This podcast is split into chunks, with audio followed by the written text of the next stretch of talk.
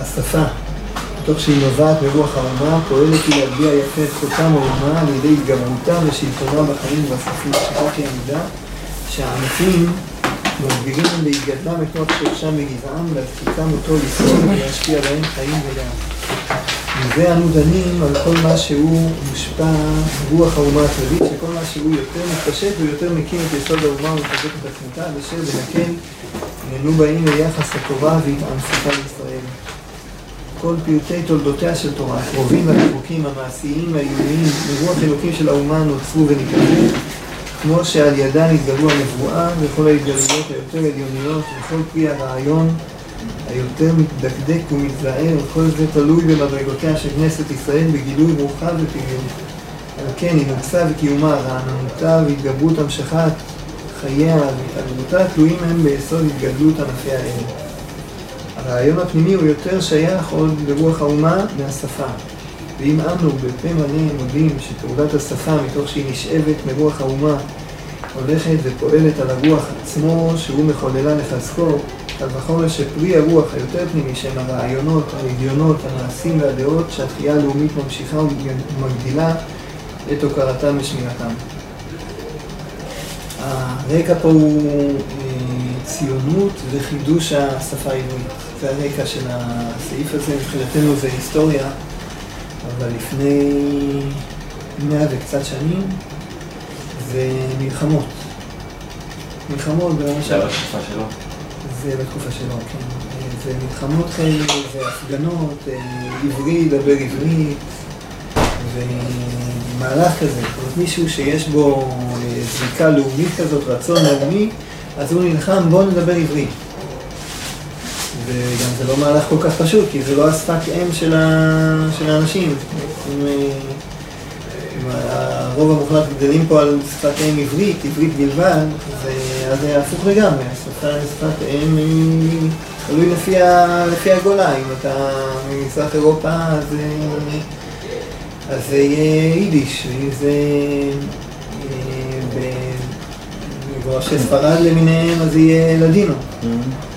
ואם זה קבוצה שהיא פחות אה, מזוהה אולי שפת המדינה שנמצאים בה. אבל השפה היא לא עברית, זה מלחמה, היא יצירה חדשה, יש מאין. גם לא השפה העברית, הלשון הקודש, אבל... זה גם נכון. יכול להיות לדבר עברית. לא יודע עד כדי כך, שאף אחד לא ידע לדבר עברית. קודם כל במרכיב מסוים אומרים שהמסחר היהודי בין הגלויות השונות היה בנוי על הפלוס הזה שיש לשני יהודים שמגיעים אחד מפולין ואחד מצפון אפריקה, הם איפשהו יודעים משהו לדבר ביניהם. אולי יהיה קשה לפענח את ההעברה שלו, עד, ש, עד שתעלה על זה, מה, מה הוא קורא, איך הוא קורא למצב ואיך הוא קורא למצב. ואתה תצטרך לפענח את הסודות האלה, אבל בסוף הם יכולים, יש להם איזה גם אמון וגם שפה משותפת, זה היה מייצר מסחר בין יהודים. הם היו נגיד משתמשים לפעמים בשפה של בלשון התורה. יכולים לדבר בשפה שלהם? מי שיודע ללשון הקודש, היו כאלה שידעו ברמה של לכתוב ספר.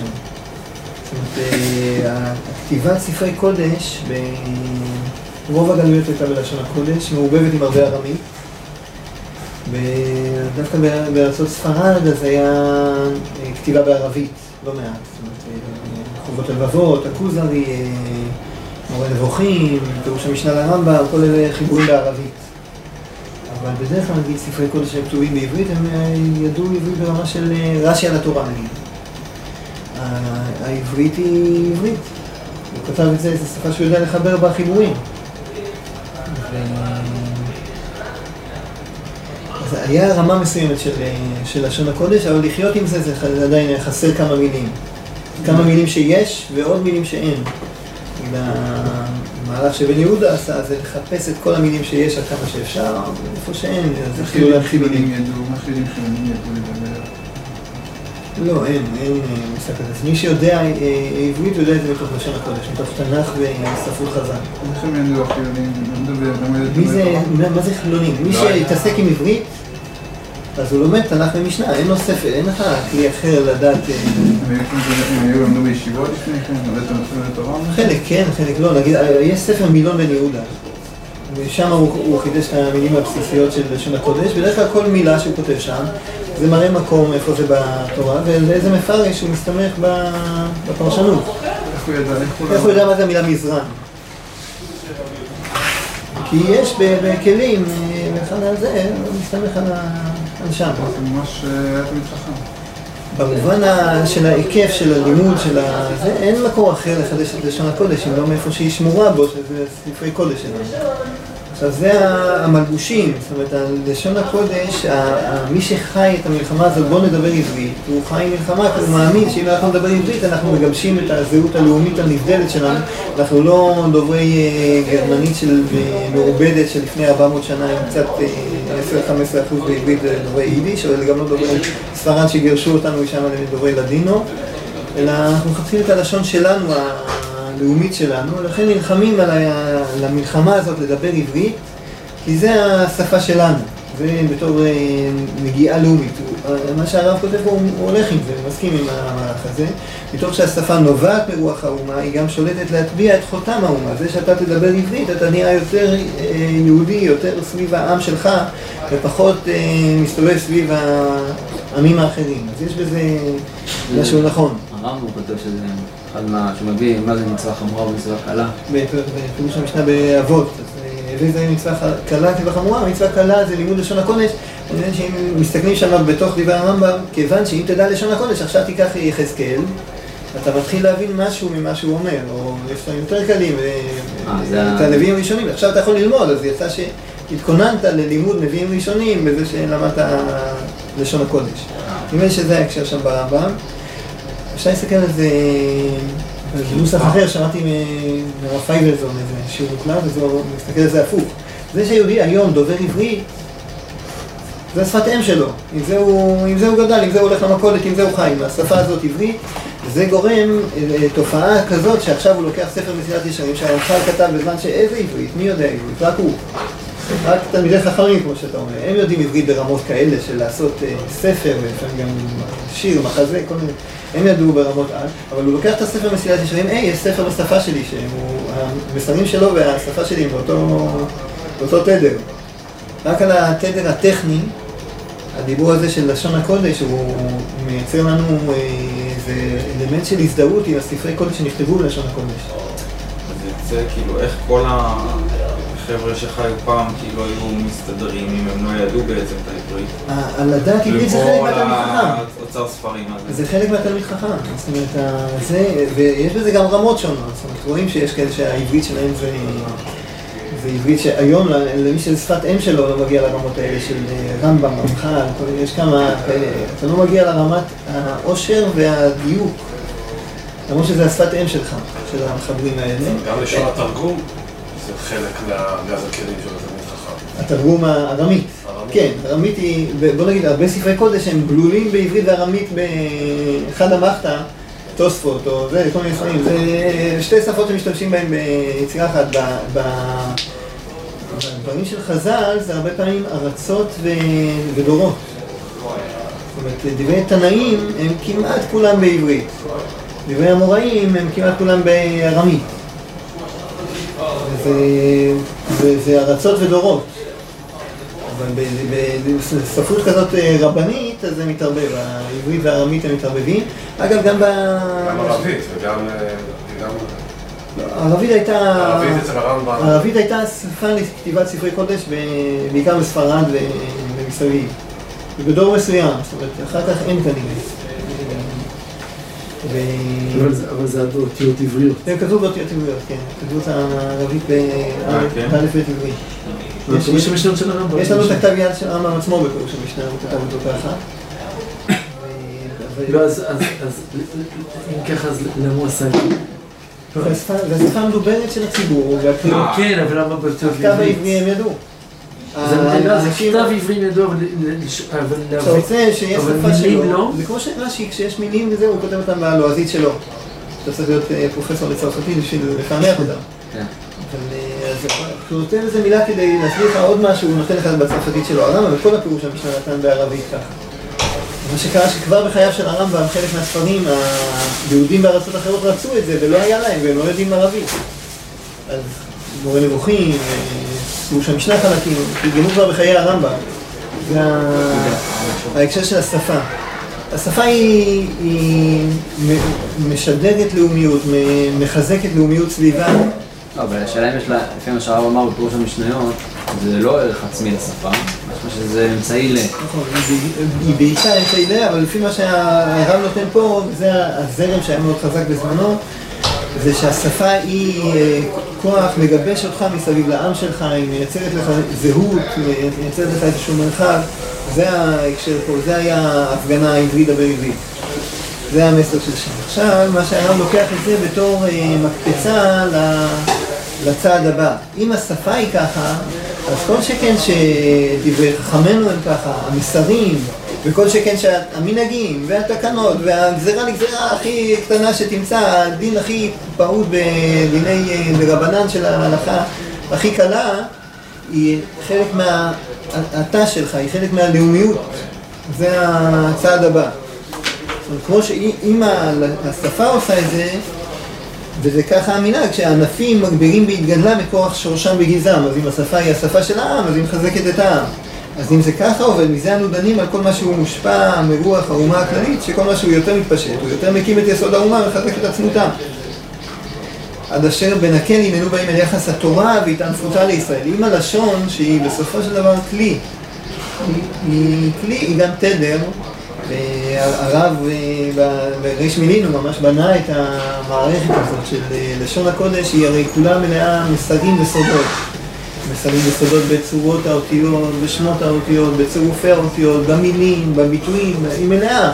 השפה היא לא דבר זניח לגמרי, אבל בכל זאת היא כלי. לעומת התוכן, כשאתה מדבר על התורה, התורה שבכתב, התורה שבעל פה, זה ממש חיי האומה.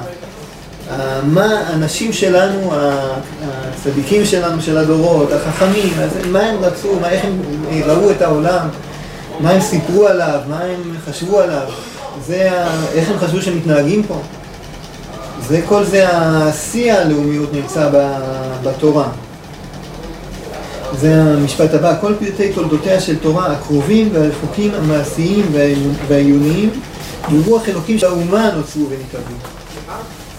ה- התורות, התיאוריות, זאת אומרת, הספרי ה- האמונה והאגדה והסוד וכל ה- ערכי הקודש של עם ישראל וגם המעשים, החלקים המעשיים, גם אלה שיורדים לפרטי פרטי פרטים. אז אה, כל אלה זה, מאיפה זה בא? מרוח אלוקים של האומה זה בא. זאת אומרת, על עם ישראל שרתה רוח הקודש, החיי עולם שנתה בתוכנו, זה התורה שבעל פה.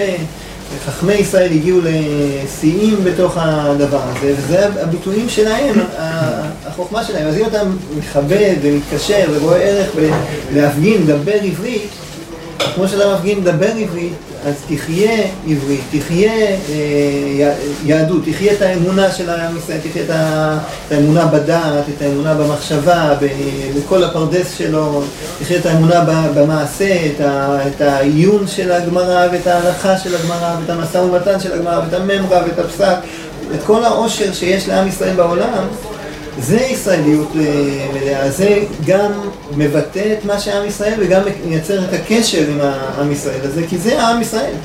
הלשון היא עושה את זה, אבל אחת כמה וכמה שהתורה עושה את זה. והלשון היא בעצם איזה מלבוש לתוכן. אה, אה, אבל היה כן היה כן משהו יסוד אמיתי בהתנגדות לדבר עברית, שאם אתה עכשיו תעשה את זה משהו פתוח, אז תעשה את זה שפה לאומית, אז גם חילונים ידברו את זה, ואז תשפיל את השפה גם לדברים, כן, דברים. כן, בגסויות, וכאילו, וזה בעברית, עדיף לעשות את זה ב... ב, ב, ב לועזית.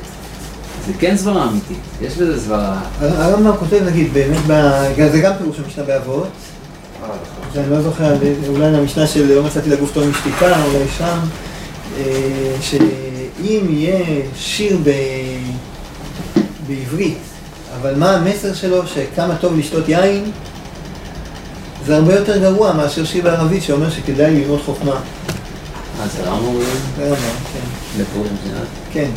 כאילו, תיקח את השפה היא המלבוש, אבל מה המסר? מה אתה עושה עם השפה הזאת? היא איזשהו מלבוש למשהו. והשאלה איזה תוכן אתה מכניס בתוכו, אז היא בסופו של דבר היא משמשת ככלי. ככל שאתה יותר בלשון הקודש תדע את הסוד שלה, אז כבר הכלי וה... והתוכן מתאחדים. התורה היא לא סתם כתובה בכתב אשורי ובדווקא בכתב הזה ואי אפשר להחליף אותו. היא... הכתב הזה יש בו איזה נגיעת קודש בגוף האותיות, בשמות שמות האותיות, בצירופי האותיות. יש לו, יש לו קודש, אבל כשאתה כבר ברמות האלה, אז זה באמת לשון הקודש. לעומת זאת, ב... אם השפה היא רק כלי ואתה מדבר בה את מה שעולה על לבך, אז אתה באמת בבעיה. בעצם, אפשר לרוקן את השפה מתוכן ולהדביק אותה. בלכלוך, בטומאה. בכל, בכל מה שעלול להיות. אבל השאלה אם בגלל זה אנחנו לא נדבר לשון הקודש. זה, זה כמו, בערך כמו השיקול, אולי לא כדאי לחיות, כי כשחיים יש ניסיונות. ו... ובסופו של דבר זה לא סיבה, במיוחד שהלשון הקודש הזאת היא, היא מחיה לך את העצמיות והיא גם מקשרת אותך עם התורה שבעל פה, היא, היא מדבקת אותך בכל זה. בוא נגיד יותר טוב מרע יוצא. כי אחרת איך היינו לומדים את כל זה? אם היינו צריכים ללמוד את הלשון הקודש כמו שדובר אה, אנגלית או יידיש או זה, הוא לומד את השפה הזאת, זה, זה עוד שפה, אתה צריך עוד הכנה לכל אה, קריאה של ספר, שהיום הק- הקריאה שלך היא פשוט רצה בו. אז אה, זה גם כלי וגם תוכן, החיבור שלנו ללשון הקודש, אבל הוא לא מתקרב למושג הזה של להתחבר לתורה ברעיונות שבה ובמעשיות שבה. זאת אומרת, אם חשוב לך הלאומיות של ישראל ולשון הקודש אתה נלחם עליה כדי שיהיה לך משהו לאומי, אז- אה, על אחת כמה וכמה עצמיות הקודש הישראלי, שהיא הנשמה שלנו, היצירה של עם ישראל, המסר של עם ישראל בעולם. זאת אומרת, אם מסתכלים על עם ישראל בפרספקטיבה, זה ברור שמה שהוא מביא לעולם זה אמונה וקישור לשמיים, ו- ויש צביון מסוים לאמונה הזאת, ויש צביון מסוים להנהגה הזאת, שהוא דווקא ככה. וכשאתה מסתכל ברוחב על מה עם ישראל פעל בעולם, נגיד ברמה ההיסטורית, ברור שהפעולה הכי דומיננטית של עם ישראל, שהוא אה, שינה את אמונות החלק המתקדם יותר בכדור הארץ. שינה אה, דרסטית, תהומית, כל עולם האמונות וההנהגות והערכים של, אה, לא יודע אם זה בסביבות חצי במספר, אבל באיכות של כדור הארץ, הוא פשוט הזיז את כולם להתקרב למושג של לקרוא כולם בשם השם. ברור שזאת היצירה של עם ישראל, זאת התרבות, המהות. אז אם על לשון הקודש אתה נלחם, על אחת כמה וכמה שתילחם על תורה, תורה כולל הגדלות שבה וכולל הקטנות שבה, כולל האגדה שבה וכולל ההלכה שבה.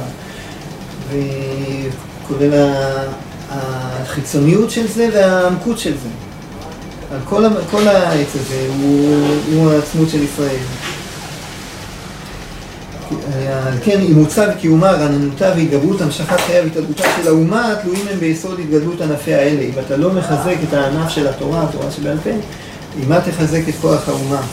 הרעיון הפנימי הוא יותר שייך עוד לרוח האומה מהשפה.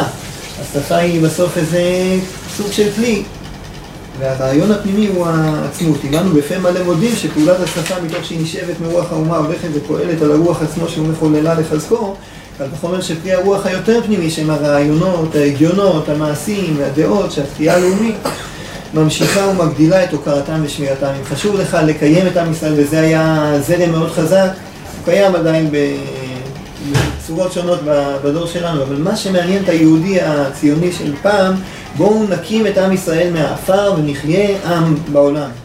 איזה עם אתה רוצה? היהודי. איך, איך יודעים שזה יהודי? כי זה הארץ הזאת, וזה השפה הזאת, וזה האנשים האלה. אבל זה בעצם, כל אלה זה סוג של מלבושים, כי זה לא הארץ והשפה והאנשים, אלא זה הארץ הזאת עם הסוד שבה, עם התוכן שבה, השפה הזאת עם הסוד שבה ועם התוכן שבה, והאנשים האלה עם הנשמות האלה עם התוכן שבהם, והעם הזה עם המסר שיש לו למסור. אז אם אתה רוצה לגבש את עם ישראל בעולם בחיות, אין אה, עצה אחרת, אין מושג כזה להפריד את התורה מעם ישראל. להפריד את התורה מעם ישראל, זה כמו להפריד את, עם ישראל מעצמו, כי זה העצמות של עם ישראל והחיות שלו מסביב לתכנים האלה. אז אם אתה מבין את זה בשפה, אחת כמה וכמה שאתה אמור להבין את זה בתורה. יישר כוח.